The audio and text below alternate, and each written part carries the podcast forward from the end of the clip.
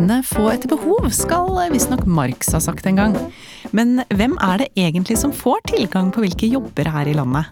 Og hvem har egentlig designere, politikere og arbeidsgivere i tankene sine når de er med på å utforme samfunnet? Nå skal det handle om hvordan forestillinger om idealborgeren også fører til diskriminering og utenforskap. For Universitetsplassen er ikke bare en podkast hvor eh, forskere fra UiO deler fagkunnskapen sin i samtaler med aktuelle gjester og deg som hører på. Det er også en fysisk plass i Oslo sentrum. Og i høst inviterte UiO til Kunnskapsfestivalen En ny start, om klima, demokrati og lærdommer fra pandemien på denne plassen. Nå skal du få høre et utdrag fra et av arrangementene, hvor du først hører filosof Pål Antonsen, sosiolog Arnfinn Midtbøen og teolog Kaja Rønsdal, og deretter Jan Grue, som er forfatter og forsker ved Institutt for sosiologi og samfunnsgeografi, litteraturforsker Louise Alain og professor i informatikk Tone Brattteig. De deler sine svært så forskjellige faglige perspektiver på hvordan idealene er med på å inkludere noen og ekskludere andre. Ordstyrer er Vilde Sagstad Imland, som er journalist i Morgenbladet.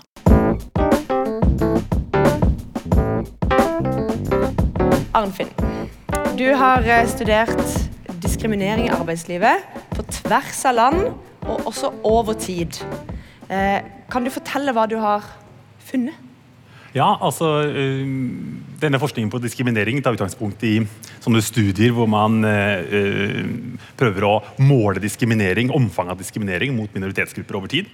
Det vil si at det er sikkert mange som kjenner til den type studier hvor man sender falske jobbsøknader med ulike navn og undersøker om de blir behandla ulikt i arbeidsmarkedet. Så Sammen med en gruppe internasjonale kolleger så har jeg samlet inn alle sånne studier som er gjort eh, internasjonalt siden 1960-tallet og fram til i dag. Nå er det rundt 150 studier. Og så har vi gjort sånne metaanalyser for å se hva vi kan si om liksom når vi nå ser tilbake på 50 års forskning på etnisk diskriminering i arbeidsmarkedet. Og Da finner vi eh, mange eh, deprimerende konklusjoner. så jeg skal trekke fram tre av dem.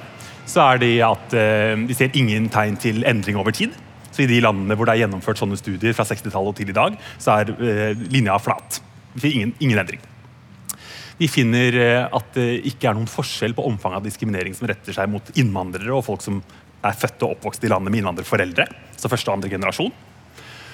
Og vi finner at hudfarge spiller en betydning. Så Europeiske hvite migranter eh, utsettes også for diskriminering, men vesentlig mindre enn eh, jobbsøkere med bakgrunn fra asiatiske, afrikanske og latinamerikanske land. Så Det er en eh, nedslående og litt dyster eh, konklusjon fra, fra, denne delen av forskninga. Den diskrimineringa du beskriver nå, over tid, på tvers av land, ingenting skjer. Står bom stille. Mm. Den, ja, det er nedslående. Mm. Um, du har en artikkel som nettopp har blitt publisert, som heter 'Bortskjemte nordmenn og sultne innvandrere'. Um, den norske verdien arbeid, i den grad det er en verdi, som vi bare kan kanskje slå fast at det er. Det får i hvert fall en litt annen klangbunn i din forskning. Kan du fortelle om denne artikkelen, hva dere har eh, sett på. Ja, så Det er jo en, en spissformulert oppsummering av et, av et, helt annet type forskningsprosjekt som jeg gjorde. Ja, Det er jeg, clickbait for eh, Litt clickbait. litt clickbait. Uh, sammen med en kollega på Fafo som heter Jon Horgen Friberg. Så det var en helt annen type enn sånn eksperimentell forskning. Så vi gjorde rett og slett feltarbeid i tradisjonelle arbeiderklasseyrker. Fiskeindustrien, byggebransjen og hotellnæringa i Norge. Og så undersøkte vi eh, hvordan norske arbeidsgivere eh, vurderer eh, ansatte med ulik type etnisk bakgrunn. Og det som er Poenget her, å trekke fram disse to studiene, er at denne diskrimineringsforskningen viser et veldig sånn entydig bilde av forskjellsbehandling. Mens hvis man går nærmere inn i ulike typer kontekst i arbeidsmarkedet, f.eks. lavest på, på rangstigen hva gjelder arbeidsbetingelser og lønn, så ser man plutselig at vi eh, finner et ganske sånn finmaska etnisk hierarki, hvor det faktisk er sånn at etniske minoritetsgrupper kan foretrekkes fremfor nordmenn til en del type yrker.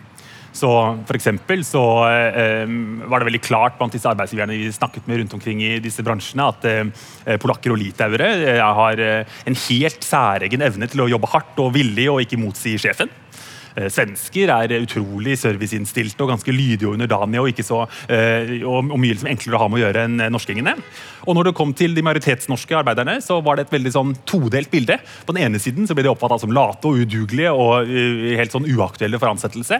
Bortsett fra i viktige nøkkelposisjoner som lederstillinger og kommunikasjonsstillinger. Så vi fant liksom et, en, en, form for sånn en, en, en, etnisk hierarkisering på bunnen av arbeidsmarkedet som tegner et litt annet bilde enn den der den der, eh, liksom entydige diskrimineringsfortellingen, men som ikke desto mindre viser hvordan fordommer og stereotypier om etnisitet spiller en viktig rolle og former mulighetene til ulike eh, minoriteter på arbeidsmarkedet i dag. Hvis jeg kommer litt tilbake til dette, for det er interessant med den typen fordommer, i hvert fall når man zoomer litt inn. Men Kaja, dine forskningsinteresser de springer ut fra en veldig fra dine egne erfaringer i arbeidslivet. Eh, og Det høres jo på en måte litt trivielt ut, for sånn er det sikkert med oss alle. Men kan du fortelle litt mer hvordan du jobber erfaringsbasert, og hvordan det har vokst fram en forskerkarriere ut ifra din praksis? Eh, det, ja, det, det, er litt overraskende. Det ble litt overraskende på meg òg, eh, hvordan det ble til. Men eh, jeg jobbet mange år i helse- og sosialsektoren, og også med mennesker i aktiv rus. I sysselsettingstiltak, bl.a.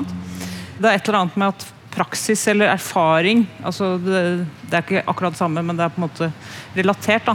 Eh, hva man erfarer og utøvelsen av noe, gir en annen type informasjon til teorier enn eh, jeg tror at man ofte er klar over. Men jeg er opptatt av liksom det praktiske og det erfarte også i mer konseptuelle sammenhenger. F.eks. i verdispørsmål.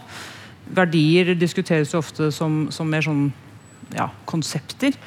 Men veldig mange verdier, kanskje nesten alle, er også handling. ikke sant? Uh, gjestfrihet, som jeg har jobbet mye med, gjestfrihet er først og fremst praksis. Vi kan skrive om det og vi kan forstå det, og sånn, men hva er det folk gjør? Og det folk gjør, og det folk handler og det folk uh, liksom praktiserer, er noe, ofte noe annet enn det de sier. Mm. Pål, du er jo eh, filosof. Det er jo ikke akkurat kjent som den mest praksisnære virksomheten man kan bedrive. Det er kanskje, det er liksom, Vi sitter jo her på en måte som veldig sånn sterkt representert, de her klassiske dannelsesfagene eh, ved universitetet. Men kan ikke du si litt om eh, hvordan du likevel har tatt eh, din filosofiske verden ut i, eh, ja, i Omsatt det i en slags praksis? Ja, altså først må Jeg bare si at det er litt spesielt. Du, liksom, jeg sitter med en teolog, og så er det meg du anklager for ikke å være praktisk. Men ok. Uh, den, når det gjelder til forskningen innenfor filosofi som tenker skal gjøre mer praktisk av seg, så handler det om å kunne anvende teorier innenfor logikk og argumentasjon og språkfilosofi på den politiske debatten som foregår. Så det er på en måte det første målet vi skal være. Eh, og det er en ting som slo oss. det at eh, Siden diskusjonen handler om betydningen av demokrati og hvordan man blir en idealborger En av de mest sentrale komponentene i å være en ideal borger i et demokrati, er at du settes i stand til å ta rasjonelle og informerte valg. Men du kan spørre sjøl, da. Ok, Se på mediebildet. Se på de politiske debattene som er. Se på valgkampen som foregår. Følg med på sosiale medier, de politiske reklamene til er der. Og spør deg, Hvor mye av det som skjer der, er laget for at du skal havne til et rasjonelt og informert valg? Og Dette er også bakgrunnen for at du har vært med å bidra til å lage denne spalten i Morgenbladet som heter Logikksjekk. Det stemmer. Vi så det som en oppgave, siden vi er opptatt av hva man bør eller ikke bør tro på bakgrunn av hva man tror det så tenker vi det er riktig at det skjer gjennom de riktige formene. Og når det skjer den type retoriske triks hele tiden, så må man ha en slags motvekt. Vi er et kappløp mot alle de retoriske triksene som brukes i de politiske debatter, i mediene, også av Morgenbladet, og på sosiale medier. Arnfinn, når du eh, har jobba med disse eh, gått så tett på og snakka med folk om eh, hva slags forestillinger de har om ulike typer av eh, etniske grupper, og hva slags arbeid de er egnet til å utføre. Er det noe sted du merker at eh, de du snakker med, f.eks. har oppdaga noe nytt og fått utforska disse forestillingene om hvem som kan gjøre hva? og det er klart, det, det, skjer jo med jevne mellomrom. Det foregår en sånn, der, en sånn form for sånn eh, oppdateringsprosess når folk har erfaringer som bryter med, med de forventningene de måtte ha ut fra de fordommene og stereotypiene de, de, bærer på om ulike grupper.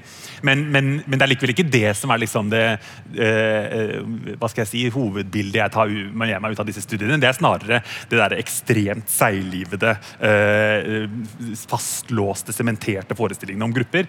Som, eh, og bare Jeg kan legge til en liten ting som er fascinerende i det. er at eh, akkurat når det kommer til dette etniske hierarkiet, hvor, hvor, uh, hvor, det er jo sånn at en del minoritetsgrupper også uh, har noen fordeler i en konkurranse om knappe ressurser innenfor noen bestemte typer av yrker. så ser vi også tendenser til, og det er det en del forskning som dokumenterer, at en del minoritetsgrupper også bruker stereotypiene om seg sjøl i konkurransen mot andre grupper om de samme midlene. Så det foregår også Hvordan da, for eksempel? Nei, at man, at man, eh, at man spiller rollen. Som, eh, som eh, den, eh, den litt lydige og service-minda svensken eller den utrolig hardtarbeidende polakken som er en helt annen type enn de andre gruppene. Så ser man at, at dette, er jo, dette, er jo, dette er jo grupper som vi helt sikkert skal høre om i neste panel også. Altså at, at Minoritetsgrupper er jo veldig klar over stereotypiene om dem sjøl. Eh, og man kan velge å gjøre en del typer av eh, eh, arbeid for å prøve å overkomme de stereotypiene. Men hvis kan, man kan få noen fordeler av det, så kan man også spille med dem. Og, og på en måte forsterke ideen om det, for, fordi at det kan gi en eller annen form for vinning. Da. Så det er sånn, det er en, det er en ve- veldig interessant samspill der ute som, mellom, mellom ulike typer av eh, aktører, som, som i sum gir et ganske sånn fastspikra og sementert eh, bilde. da. Pål, det det å eh, være i arbeid, hvis det, hvis det er å delta, eh, hvordan, hvordan ser det ut når det gjelder på en måte Er det noe rom for å utfordre det som et premiss? Altså, naturligvis kan du utfordre den premissen. Altså, de fleste premissene kan jo utfordres. eh, Og jeg antar at Universitetet i Oslo mer enn mer enn gjerne ser at studentene både stiller kritiske spørsmål og utfordrer de fleste premisser.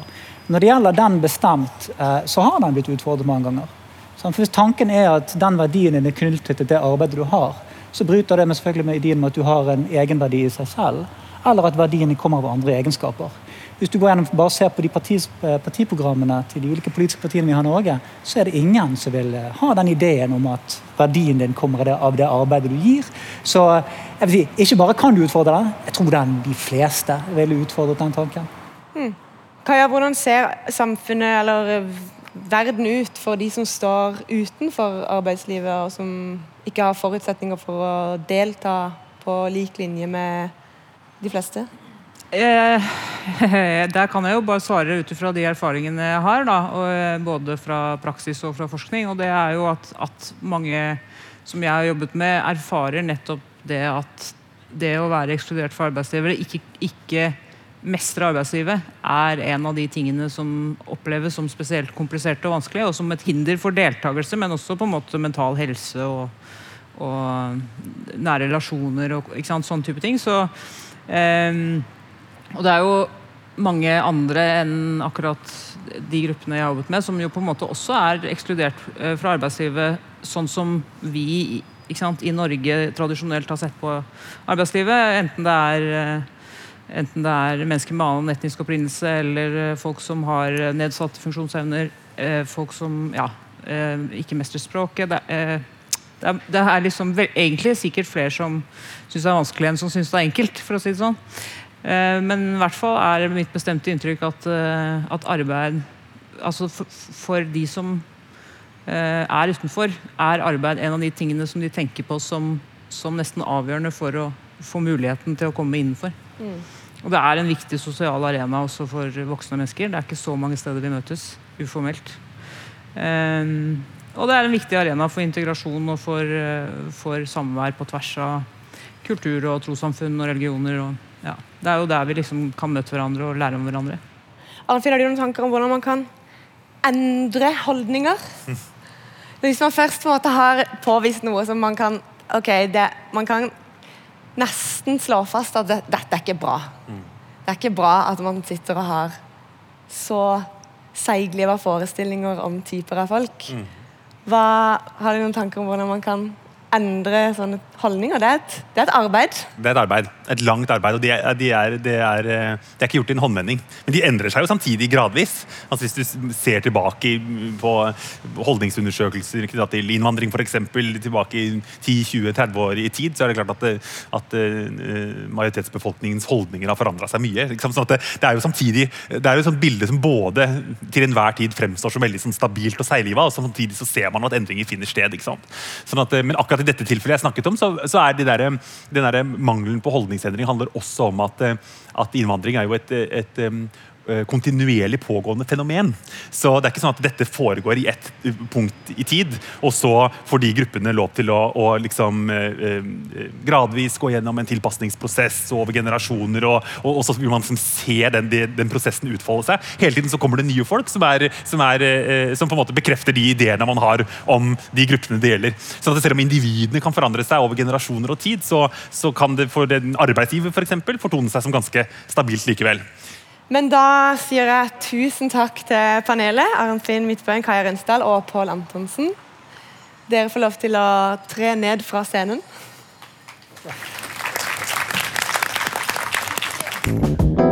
Ettermiddagens andre panel har eh, ankommet scenen. Vi skal diskutere om samfunnet er laga for at alle kan delta på lik linje. Hvilke mekanismer ekskluderer og inkluderer. Forskerne i dette panelet her, de har på ulike måter forsøkt å beskrive hvordan systemer skaper forventninger, enten det er snakk om helt konkret tekniske innretninger, overgripende strukturer eller ideer. Så velkommen til deg, Louisa Lane. Du er litteraturviter ved Institutt for lingvistikk og språk. ILOS. ILOS. Jan Grue, du er sosiolog ved Institutt for sosiologi og samfunnsvitenskap. Og statsvitenskap, unnskyld. Og Tone Bratteteig, du er professor ved Institutt for informatikk. Jan, vi må jo begynne med deg, siden du er midt i en boklansering. Mm. 'Hvis jeg faller'. Ja. Eh, der noe av det underliggende for boka di er det du kaller et produktivitetskrav. Mm. Kan du fortelle om det? Det kan jeg godt. Og så kan jeg jo for så vidt henge meg på det som Arnfinn snakket om i, i, forrige bolk, hvor vi ser at når det gjelder funksjonshemming, så er det veldig mange av de samme mekanismene som uh, slår inn. Sånn at uh, forskere ved Oslo OsloMet, altså Elisabeth Ugreninov og Vegard Bjørnshagen, har jo sett på hvordan sjansene er for å bli kalt inn til jobbintervju uh, hvis du f.eks. er rullestolbruker. Og Der ser vi at det er den, den samme typen diskriminering som slår inn som uh, det som ble snakket om i, i, uh, i forrige bolk. Og Så kan man jo stille seg spørsmål om hvorfor det er sånn. Det har vi ikke veldig gode svar på, men um, kanskje ikke helt urimelig antakelse er at arbeidsgivere, hvis de får vite at en arbeidssøker er funksjonshemmet på den ene eller den andre måten, Ehm, kan begynne å lure på vil vedkommende være like produktiv som noen som ikke er det. Sånn at selv om mye av den formelle antidiskrimineringen og likestillingen er på plass, så er det likevel en, tror jeg, eh, en underliggende forventning om og et underliggende produktivitetskrav som gjør at det blir, det blir vanskelig å få innpass for, eh, for mange. Så I den boken så skriver jeg litt om det usynlige arbeidet som blir et krav for å slippe til, for å få skaffe seg utdannelse, for å komme seg i jobb eh, for mange funksjonshemmede. Og hvordan det blir en tilleggsbyrde for eh, ja, funksjonshemmede og kronisk syke. Tone, du skal få lov til å stå for et veldig, det konkrete, veldig sånn hands on bidraget her i dag. Eh, som er rett og slett eh, hvordan vi designer ting. Eh, også avgjør hvordan folk kan delta. Og hvordan ser egentlig inkludering og ekskludering ut fra dette ståstedet? Altså det er jo ikke så ulikt Det høres jo ikke så ulikt ut som det Jan nettopp var inne på, men uh, fortell allikevel. Ja, samfunnet er jo ikke designet for alle. Og når du designer noe for noen, så tar du noen valg for hvem det skal være for. Og uh, det vet sikkert Jan mye om. Um, skal du ha lysbryteren så høyt oppe eller så høyt eh, i rullestolhøyde eller i ståhøyde? Det betyr ganske mye for mange. Så at alle designvalg eh, inkluderer noen og ekskluderer noen andre. Og sånn at det er veldig lett å skape funksjonshemming ved des dårlige designvalg. Eh, og siden eh, mange designere ikke har en permanent funksjonshemming, så er det veldig viktig å snakke med de som skal bruke det, sånn at vi vet Sånn at vi kan forestille oss hvordan det er. Det er helt umulig Ingen andre som kan forestille seg hvordan andre har det. hvordan andres erfaringer er. Jeg kan tenke hvordan det er, men jeg kan ikke vite det. Det er noen sånne øvelser som gjør at f.eks. at designere tar på seg bind for øynene og ser hvordan er det å være uten syn. Men blinde kan jo masse ting som designere som tar på seg bind for øynene, overhodet ikke kan. Så det er veldig viktig å kunne ta med brukerne. At brukerne får delta i design. Og eh, hvordan konkret løser du dette som forsker, når du skal bale med den problematikken? Du, du, for Jeg regner med at du ikke går rundt med bind for øynene? Nei da, vi gjør ikke det. Eh, tvert imot så prøver vi å få med de som skal bruke systemene vi lager. Eh, få dem med på design. Få dem med til å prøve ut ting underveis. For at de skal kunne se om det funker bra eller ikke. Og det er mange som har brukertesting ved at du presenterer Liker du denne? Er denne knappen bra? Eh, men det er bare førsteinntrykket, så det er veldig viktig å ta med eh, brukerne på en, eh, en, i hverdagen deres. At, at, dette kan funke til hverdags. Mm. Louisa, du forsker på afroamerikansk protestlitteratur. Den såkalte Harlem-renessansen fra 1920-tallet. Og du ser bl.a. på hvordan folk lager seg ulike strategier for å overleve i fiendtlige omgivelser. Ja. Altså jeg tenker at Det du snakket om, det er jo ganske konkret. ikke sant? Altså Man tenker design og utforming. Men vi tenker ofte på litteraturen og kunsten som universell. Altså Vi tenker på den som liksom i en egen sfære. Og at liksom skjønnheten er en egen sfære. Eh, men for de forfatterne som jeg jobber med, da, afroamerikanske forfattere, og spesielt under historiske perioder, da, som nå er 100 år siden. Ja, Fortell uh, kort ja. om den bevegelsen. jo, ok. Så Harlem-renessansen var en intellektuell og kunstnerisk bevegelse i USA på 1920-tallet. Som var opptatt av å lage litteratur, kunst, dans, musikk. Også sosiologi, for den skyld. Som var liksom inspirert av svart erfaring i USA. da. Uh, men altså, i forhold til det med utforming, så tenker jeg at det er også relevant for å forstå den litteraturen her. Fordi alle disse forfatterne her var avhengig av institusjoner rundt seg. Forlagsbransjen, universitetene, smaksdommerne, portvokterne. Så da blir det også veldig tydelig at selv om vi er kanskje vant til å tenke på litteratur som en egen sfære, da, som ikke er, som avhengig av design eller andre typer former for ar arkitektur, da, så er det også det. Og det blir veldig tydelig når man leser disse forfatterne en forfatter som heter Sora Neil Hurston, har blant annet et essay som heter 'What White Publishers Won't Publish'. Og Da diskuterer hun liksom hva slags tematikk du som svart forfatter må ta opp for å være attraktiv. For at du skulle bli interessant for et forlag. Og Da beskriver hun jo også sånne mekanismer som, som gir tilgang og som utelukker. da. Det kan bl.a. være For noen så kan jo det være å skrive protestlitteratur en måte å gjøre seg interessant på. For det, det også bekrefter noen ideer om livet som kamp og, og, og lidelse. Uh, og så har du for noe som en kjærlighetsfortelling. Da, Hvordan skulle man markedsføre en kjærlighetsfortelling om svart kjærlighet på 1920-tallet? Når svarte mennesker var dehumanisert på veldig mange måter og ikke sett på som interessante subjekter for sånne type universelle fortellinger. Da. Så jeg tenker at Det som på en måte resonnerer med det dere tar opp, er jo liksom altså hvordan altså ideen om det universelle, da, altså den oppleves ikke lik for alle grupper. Fordi de hele tiden må finne strategier for å komme seg liksom inn i den. da. Og det ser man jo mye i den perioden her. Hvordan, hvordan, bli tatt seriøst som forfatter. Hvordan få lov til å, å, bli sett på som en som har noe å si til alle mennesker. Ja, for Jan, Du har brukt deg selv som case i dine bøker, hvor du bruker eh, egne erfaringer for å få oss til å tenke da, på hvordan verden er innretta for noen og ikke for noen andre. Mm. Opplever du det som en selvfølge at du skal gjøre det, eller er det, en ting, eller er det en, et valg du har tatt under tvil, og så sett hvordan det hvordan det har vært? Jeg tror at Noe av det som du var inne på nå, det er på en måte hvordan man, kan, hvordan man er nødt til å forhandle med majoritetens forestilling om minoriteten. Mm. Um, Funksjonshemming er jo en veldig veldig bred kategori. Det gjelder omtrent 15 av, av verdens befolkning. Det er veldig, veldig grovt overslag. Så Innenfor den gruppen så har du folk med veldig veldig mange forskjellige funksjonsnedsettelser. Med veldig veldig mange uh, forskjellige typer kroppslige erfaringer. Som allikevel blir gruppert under den merkelappen og som noen ganger kan bruke den merkelappen for sant, å fremme en felles politisk sak. Men da blir det allikevel en forsterkning av forestillingen om at der er minoriteten, det er ikke oss. Uh, og dermed blir det også en fremmedgjøring uh, og en sånn reetablering av avstand til det andre.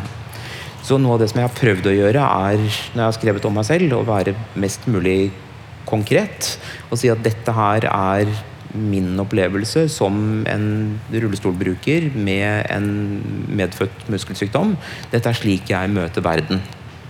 Og i de, den grad det har nådd fram, så handler det kanskje om å vise at det både er veldig veldig spesifikt og individuelt, og det ligger noe ganske allment i det. Men vi har som samfunn bestemt oss for at det vi kaller funksjonshemming, er innmari spesielt og ikke universelt. Ikke sant? At det tilhører en særegen uh, kategori. Et eksempel som jeg ofte bruker i undervisning, det er jo på sånn uh, gjenbruksstasjoner for eh, glass og flasker og pant og sånt hvor du i hvert fall på en del av dem rundt omkring i byen har sant, et sånt innkasthull ganske høyt oppe som er umerket, som ikke har noe symbol ved seg. Og så har du et lenger ned som har en rullestol ved siden av seg. Dette her er for de vanlige, dette her er for de funksjonshemmede. Kan man si at jo, det er i rullestolhøyde. Det er også ganske god høyde for barn.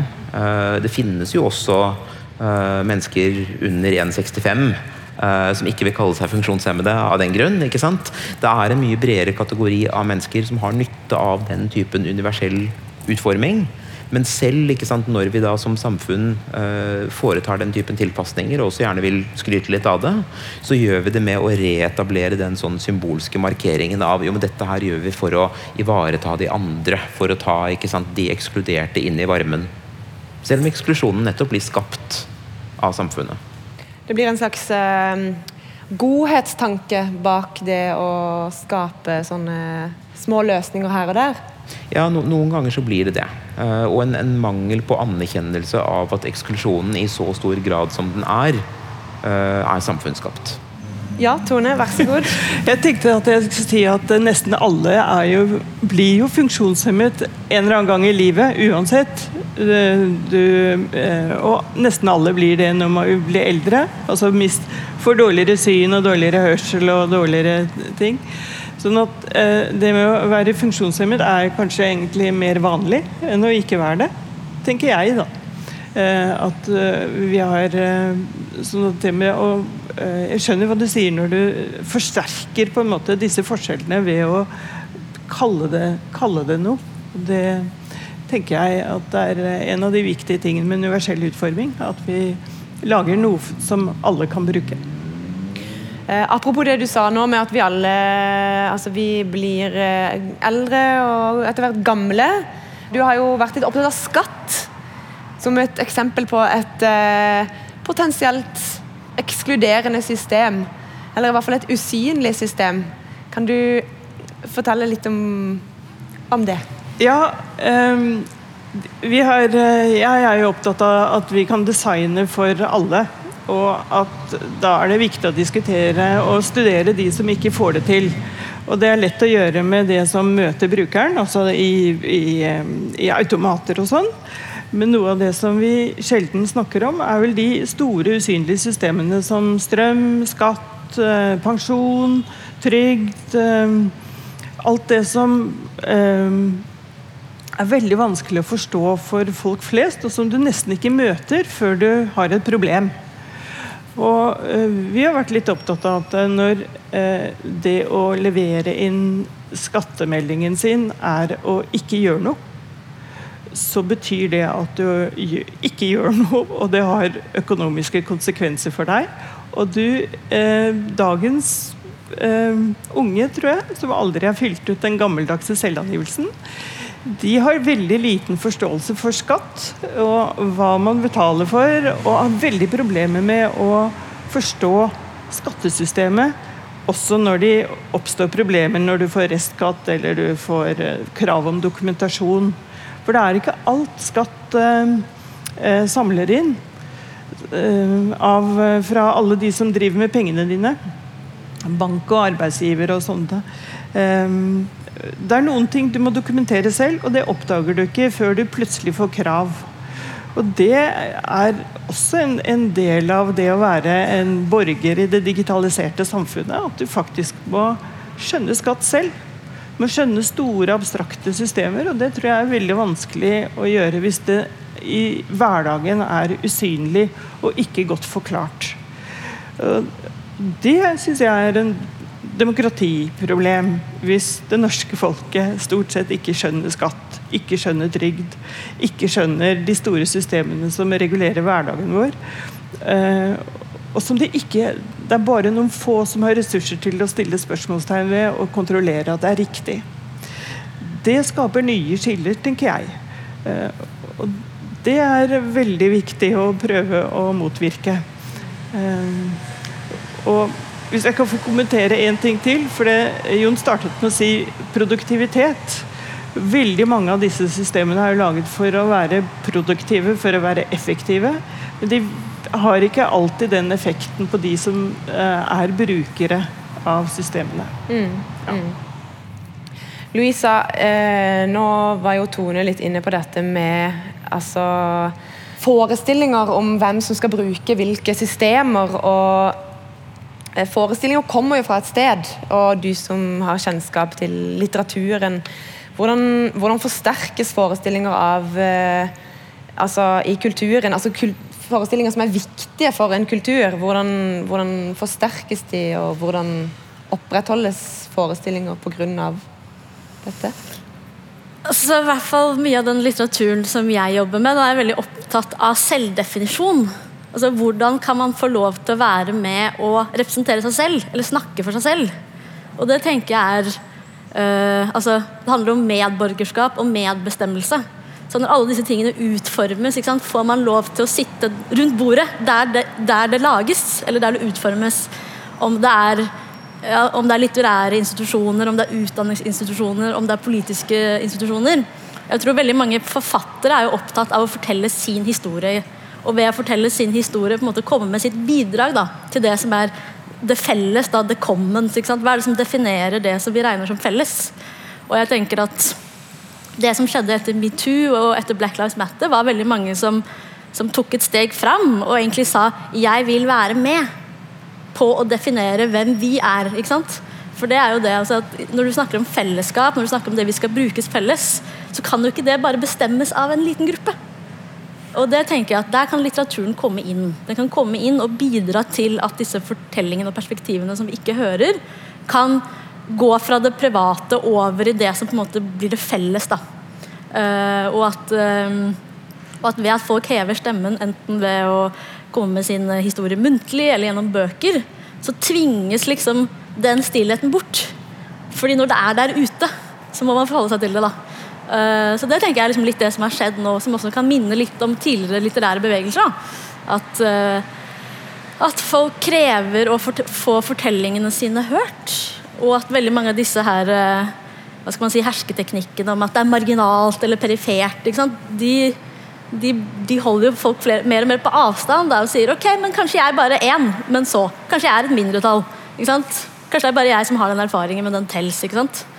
Noen ganger må jo politikk kanskje også komme inn, eller moral for den saks skyld, og formulere en eller annen eh, vei fra dette vi nå har lært som samfunn ved å høre forskjellige erfaringer, og over i handling. Hva tenker du om det, Louisa? Altså, for å ta et historisk eksempel, da, for å ta det som jeg skriver om, så kan man jo si at veldig mange afroamerikanske forfattere på 1920-tallet trodde virkelig på kunstens evne til å forandre mennesker. ikke sant? Så veldig mange trodde jo at hvis vi, eh, hvis vi står frem og forteller våre fortellinger og gir folk innblikk i vårt liv, så vil vi bli akseptert. Og veldig mye av det man har diskutert i forhold til den bevegelsen, er jo at ja, det funket jo på én måte, men på mange måter da, så hadde man George Floyd 100 år etterpå. ikke sant? Så jeg tenker at det må jo være Det er også en forpliktelse i det å, å lytte til folk. Altså Hvis folk forteller dine historier, og du bare bruker det som underholdning, eller sånn 'Å, så fint å se litt på noen andres liv', da mener jeg at det er, det er en slags sånn, det er en empatisk svikt. da. uh, som, som, som Så jeg tenker at det forplikter. Når du har fått kunnskapen, så forplikter det. Og når folk har stått frem og fortalt ting, så mener jeg at altså, de, spesielt institusjoner da, og de som tar avgjørelser, må gjøre noe med den informasjonen. Hva slags, eh, hva slags krav Tror dere det er noen som er redde? Tror dere vi er redde alle sammen for hva slags krav det kan stille til samfunnet hvis at man eh, snakker om eh, at man kanskje må redefinere et fellesskap? da? Eller redefinere deltakelse? Ja, altså Vi har et premiss om, om evig vekst fremdeles. Um, så hvis produktivitetskravet skal fortsette å, å, å, gjelde, så er det jo mye fordi den, den, politiske logikken ligger i bunn. At det skal alltid tynes mer ytelse ut av alle samfunnsborgere. Og det er klart, det er jo en, en grunnstein i uh, det kapitalistiske samfunnet vi tross alt lever i. At det, at det, uansett om det er et en oljeøkonomi eller et grønt skifte, så skal det vokse inn i himmelen. Eh, gi opp det. Det er klart det er politisk livsfarlig. Jeg tenker at uh, en av grunnene til at metoo og George Floyd er kjent, er jo internett. At alle faktisk kan ha en stemme. På godt og vondt, da. Men det at du har en mulighet til å samle erfaringer, samle forskjellige fortellinger Eh, at du kan lage motstemmer, at du kan vise at eh, eh, du kan vise at hjemmekontor er fint, at du ikke vil stresse så masse. At du kan du den, Det er også en mulig en, som muliggjør at det blir flere som deltar med sin egen stemme, og som kan faktisk gjøre en forskjell. Jeg tenker at Noen av disse tingene som har fått sånn stor fart gjennom nettet, har jo gjort at samfunnet er litt annerledes nå enn det var for kort tid siden. Så jeg, jeg, som informatiker så, og dataperson så tenker jeg at teknologien også gir mange muligheter da, til å gjøre eh, det mulig for flere å delta. Eh, men deltakelse er også en aktivitet som man må gjøre da, selv. Det kommer ikke rekende på en fjøl. Men her er det noen infrastrukturer som gjør at eh, alle kan få delta med sin stemme, syns jeg da Det er viktig å si. Ja, men jeg tror det passer veldig fint som en avslutning på seansen vår. Tusen takk til deg, Jan Grue, Louise Alein og Tone Bratteteig. Takk for i dag.